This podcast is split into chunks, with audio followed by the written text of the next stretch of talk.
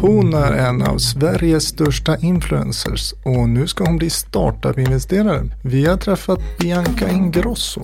Får statens utredare som han vill, då kommer allt att ändras för nätläkarna. Men är det här i själva verket ett bakslag för hela den nya sköna digitala världen? Och så tar vi tempen på en av de allra hetaste sektorerna i techbranschen. Johan Krona är på väg hit för att prata om SAS.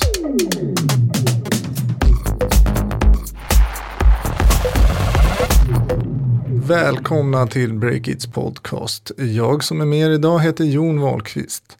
I den här podden gör vi smarta spaningar och ger det hetaste från det nya näringslivet. Som vanligt börjar vi med några telegram från veckan. I början av 2000-talet var Wired en del av det svenska modeundret tillsammans med heta märken som Acne och Filippa K. Men det var då det. Nu har det gått tyngre ett par år och i onsdags ansökte moderbolaget om företagsrekonstruktion eftersom de inom kort inte kan betala vare sig löner eller skulder. Totalt har bolaget samlat på sig skulder på över 30 miljoner kronor. Facebooks satsning på den egna kryptovalutan Libra verkar inte riktigt gå som tåget. Efter att ha stött på tuff kritik från politiskt håll verkar det nu som att satsningen har stött på ytterligare problem. Det är Wall Street Journal som rapporterar att tungviktare som Visa och Mastercard nu funderar på att hoppa av projektet. Planen är att Libra ska släppas redan nästa år. Elon Musk talar ofta vitt och brett om sina visioner för sitt Tesla, men det imponerar på långt ifrån alla. I en intervju i Dagens Industri i veckan spår den förre Scania-chefen Leif Östling att eh, Tesla kommer vara borta inom tio år. Framförallt är han tveksam till om elbilstillverkaren kommer att lyckas med att hålla kvaliteten på sina bilar uppe.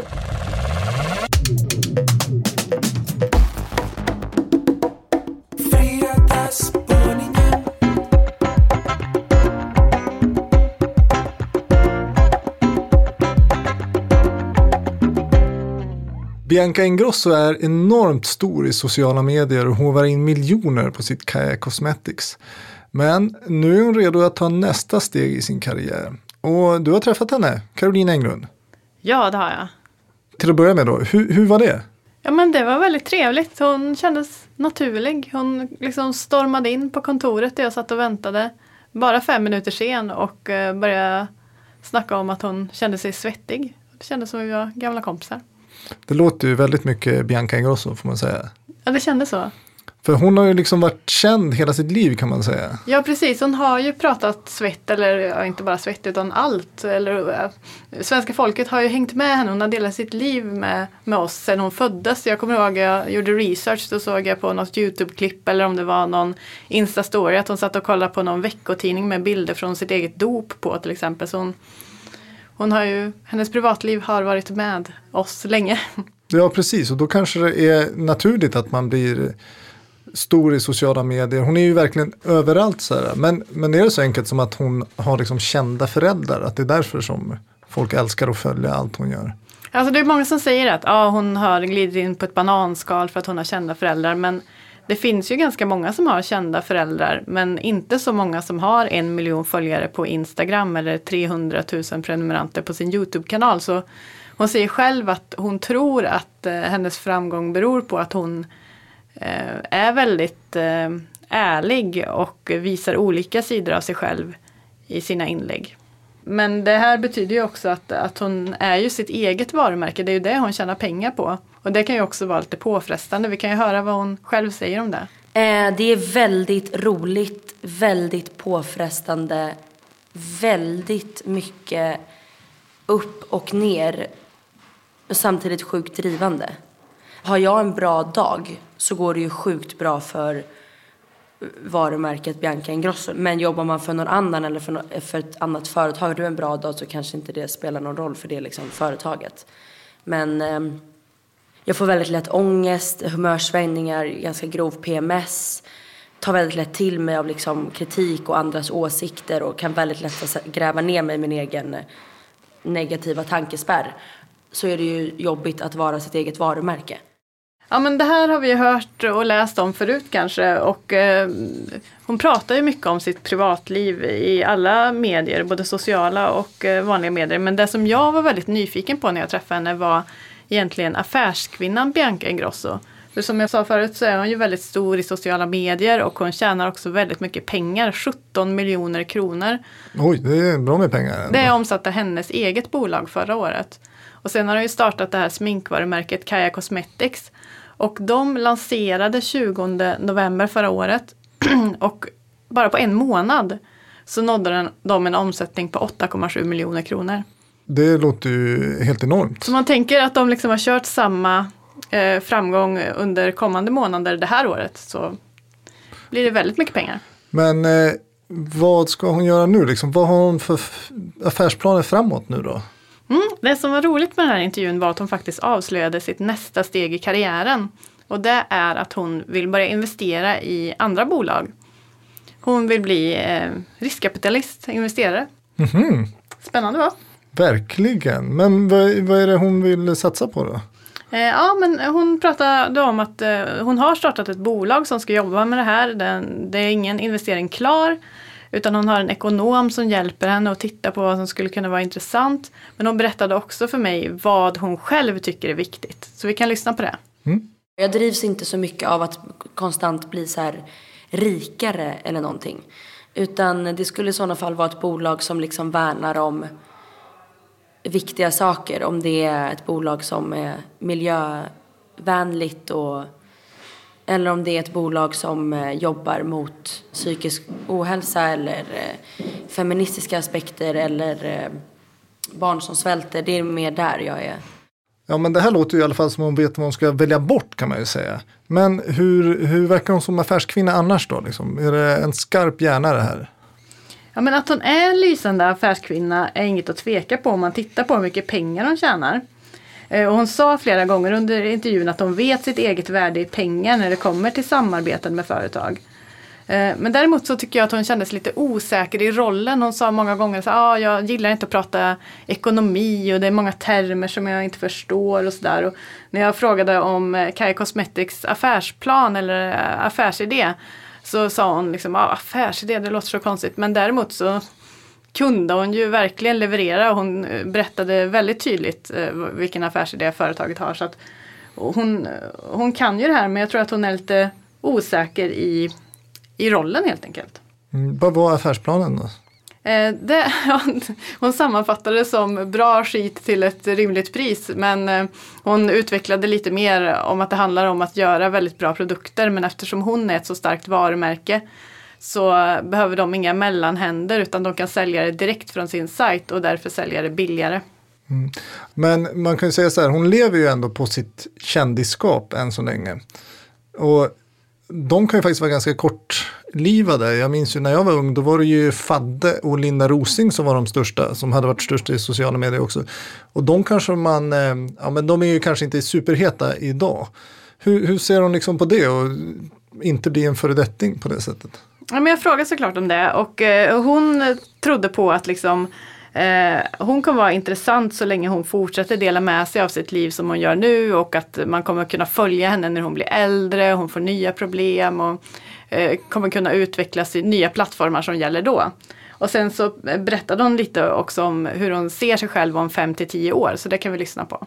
Åh, eh, då hoppas jag att eh, jag har en familj Eh, att jag har något barn. Att Eh, jag får fortsätta jobba med faktiskt det jag gör idag. Bara att jag hade kunnat lägga mer fokus och tid på Kaja. Just nu är liksom varje dag planerad i varenda minut. Och önskar att jag i någon framtid hade kunnat haft liksom mer än två dagar i veckan till, till Kaja.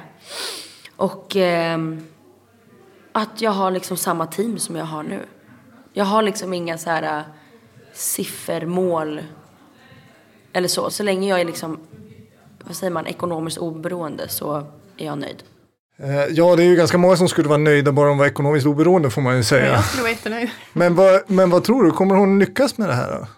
Ja, nej, men det tror jag faktiskt. Hon är ju verkligen jättestor. Alltså det enda jag tänker på är att hon måste hålla ihop för att hon berättar ju om att hon eh, liksom har gått in i väggen några gånger och sådär. Så att det gäller ju att hon fortsätter att prioritera sin hälsa och väljer saker som hon sa att hon vill välja, saker som hon mår bra och tycker är roligt.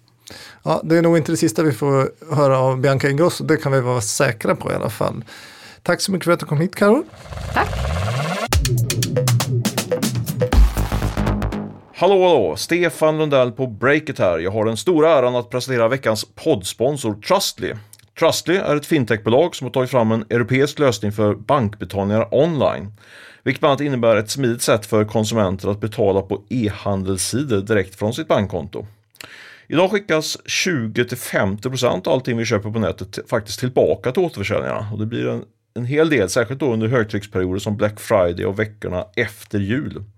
Och hos en del e-handlare kan det faktiskt ta upp till 10 dagar innan kunden får tillbaka sina pengar. Det är 10 dagar där kunden inte längre har handlaren top of mind för nya köp och dessutom kanske kunden behöver ligga ute med sina pengar. Men med Trustys betallösningar rasslar pengarna in på kontot 10 minuter efter att handlaren hanterat återbetalningen. En riktigt bra konkurrensfördel måste man väl säga utan att överdriva, eller vad säger ni? Vill du veta mer om Trustlys betallösning? Surfa in på www.trustly.se. Tack Trustly för att ni sponsrar vår podd.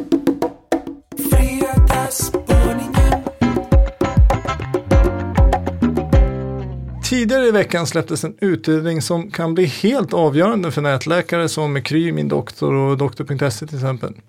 Regeringens utredare Göran Stiernstedt har lagt fram förslag som kan stoppa nätläkarna från att erbjuda vård över hela landet. Tove Boström, vad är det egentligen som händer här? Mm, det här är en stor utredning om hela vården, men vi lägger fokus på nätläkarna, för det hettar som sagt till rejält här i dagarna. Utredaren Göran Stiernstedt tänker inte tillåta att nätläkarna fortsätter att göra som de har gjort innan, alltså ta emot patienter från hela landet och sen fakturera deras hemregioner. Nej, Göran vill att nätläkarna ska tvingas starta eller köpa fysiska vårdcentraler i varje region om de vill kunna fortsätta erbjuda vård som de har gjort innan eller bli underleverantörer åt någon annan. Mm, så de måste alltså smälla upp massa vårdcentraler. Men vad tyckte de eh, nätläkarna om det här då? Ja, de var inte jättenöjda. Det blev såklart ramaskri om de menar att det här skulle vara ett steg tillbaka för den digitala vårdutvecklingen. De menar att det är omöjligt för dem att finnas överallt och att det här skulle innebära att de tvingas satsa på storstäderna, vilket skulle göra att landsbygden blir lidande. En sån här utrullning över hela landet skulle såklart kosta rätt mycket pengar och det är klart att de hellre riktar fokus mot städerna där de också har flest patienter i nuläget. Eh, men de har rätt, det här kan, kan strypa den pågående digitaliseringen av vården. Hur, hur menar du då? Mm, tanken med det här förslaget är att alla vårdcentraler ska erbjuda både digital och fysisk vård. Och visst, det låter jättebra, men många regioner och landsting ligger ganska långt efter i det här digitala racet. Så även om de är på gång med egna lösningar och vissa kommer lite längre än andra så kan de sannolikt inte matcha tillgängligheten och effektiviteten hos nätläkarna. Och om nätläkarna plötsligt försvinner så kommer ganska många människor sannolikt att få sämre tillgång till vård.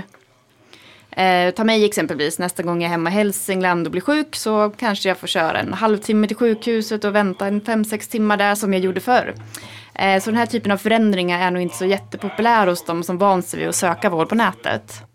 Sen kan man ju såklart diskutera när och hur nätläkarna ska användas, men det är ju en helt annan fråga. Men Göran Stiernstedt, då, regeringens utredare, han, han vill alltså att de ska starta vårdcentraler överallt i alla regioner. Varför kan de inte göra det då? Kry som en av de större nätläkarna säger bland annat att det här är krångligt både sett till en teknisk och laglig eh, synvinkel. Doktor.se undrar i sin tur hur de ens skulle kunna hinna göra det här på så kort tid. Men samtidigt så måste man ha i bakhuvudet här att de här nätläkarna som gärna pratar om hur de förbättrar vården också backas med hundratals miljoner. Det kommer såklart vinstkrav med det och då kanske man inte satsar på ställen där avkastningen inte verkar bli så hög. Eh, vi vet ju också sedan tidigare att exempelvis Kry är beredda att satsa utomlands istället för här i Sverige om reglerna skulle gå emot dem här på hemmaplan. Men eh, är det liksom klubbat och klart eller vad händer nu? Nej, nu är det dags för beredning och remisser och allt vad det innebär. Eh, så ganska mycket kan hända, men Göran Stiernstedt verkar rätt beslutsam. Jag pratade med honom tidigare i veckan och då sa han bland annat att det här nuvarande systemet inte är hållbart i längden. Och han sa även att han tror att nätläkarna också förstår det innerst inne. Eh, och det var ett citat som min doktors vd Jonas Wig reagerade på. Han sa så här.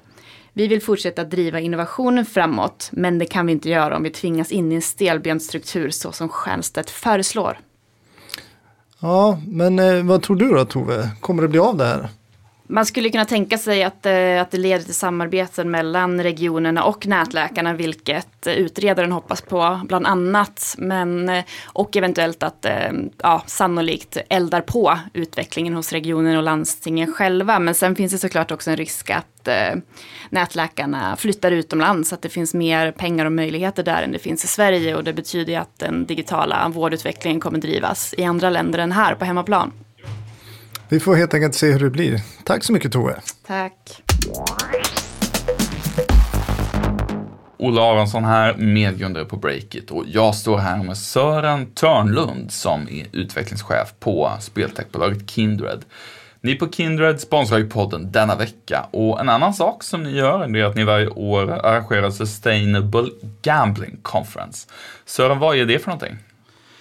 Sustainable Gambling Conference är en eh, årlig konferens med fokus på att se till att vi är en hållbar bransch. Eh, med det menar vi att vi långsiktigt samarbetar med myndigheter, forskare, konsumentorganisationer för att bygga förtroende. I år är temat Building Relevance som handlar om att visa hur vi som spelföretag är relevanta på en reglerad marknad och hur vi kan jobba med sponsorskap, vilka positiva effekter det har och vilka andra kanaler som finns. Just det. Du, eh, spelbolag har ju haft en minst sagt hett om öronen i år efter omregleringen i Sverige. Eh, vad tror du kommer bli liksom de stora snackisarna på årets konferens? Eh, jag hoppas att det kommer att handla om hur spelbolag kan vara med och bidra till olika klubbar och gräsrotsrörelser. Då kommer vår plats i samhället att bli tydligare och mer självklar. Ett exempel på sånt som stärker vår relevans är vårt samarbete med Nolla utanförskapet. Eh, där kommer vi på tekniksidan under hösten att hjälpa unga vuxna att lära sig koda, projektleda och liknande uppgifter. Våra utvecklare kommer att agera lärare och vi har satt ihop ett program som i bästa fall kan vara första steget in i IT-branschen. Ja, intressant. Eh, tack så jättemycket Sören och Kindred. Och om ni har vägarna förbi Köpenhamn nu den 8 oktober så tycker vi att ni helt gratis ska svänga förbi eh, Sustainable Gambling-konferensen som Kindred har och lära er ett och annat.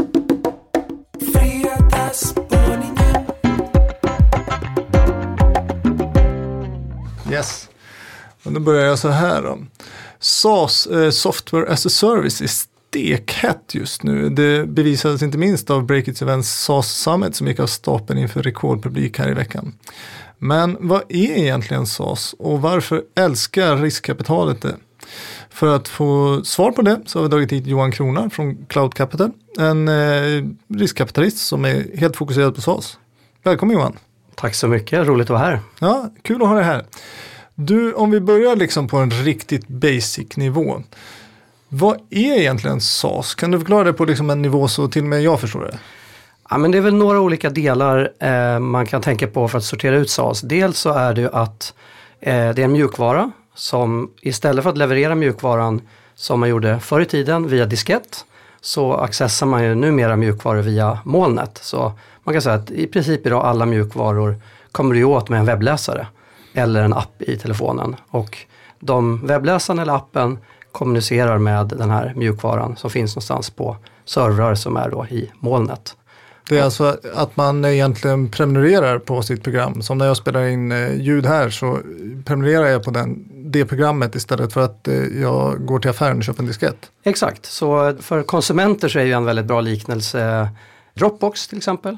Som ju är lagring i molnet och jag kan få det gratis eller jag kan uppgradera och betala 50 eh, kronor i månaden för att få lite större utrymme. Och då har jag så att säga lagring i molnet som en tjänst. Mm. Och då är vi inne på den andra delen av SAS som jag tycker är, är helt centralt och det är just det att det är en prenumerationsmodell som gör att du betalar en då förhållandevis låg kostnad eh, per månad för att få tillgång till den här funktionaliteten och den här, i Dropbox-fallet då, lagringsytan eh, kostar ju mycket mindre än att jag ska köpa så en hårddisk och ställa hemma i en, en skrubb. Eh, utan jag kommer åt eh, den här kapaciteten då eh, med ett lågt instegspris. Mm, och det låter ju till viss del som en fördel för ett företag också då kanske om jag har min SAS-tjänst så får jag liksom en fast inkomst varje månad istället för att jag får en eh, stor inkomst. Alltså. Ja men precis, om man, om man backar bandet tio år då såldes ju ofta mjukvaror faktiskt ganska mycket som projekt. Det vill säga att man gick till en leverantör och sa hej jag behöver ett nytt bokföringssystem. Och så, så eh, levererades det där i ett projektform, det kanske kostade två miljoner. Och en massa IT-konsulter som var inne i ett år och byggde och sen var man klar. Men med SAS-modellen så kan man ju snarare då till exempel koppla upp sig på Fortnox som är kanske Sveriges mest framgångsrika SAS-bolag. Och du drar ditt kreditkort och efter liksom 60 sekunder så är du igång och har bokföring i molnet. Du kommer åt det via webbläsaren. Eh, så, så, så Fortnox kan ju då serva enormt många kunder med exakt samma mjukvara och behöver inte hålla på med speciella tjänster runt eh, varje kund. Mm. Men då undrar man ju lite så här, varför är det här så otroligt hett just nu bland investerare? Och... Jo, men jag tror det, det har att göra med affärsmodellen som vi eh, touchar på. Det handlar ju om att de här intäkterna blir ju väldigt förutsägbara.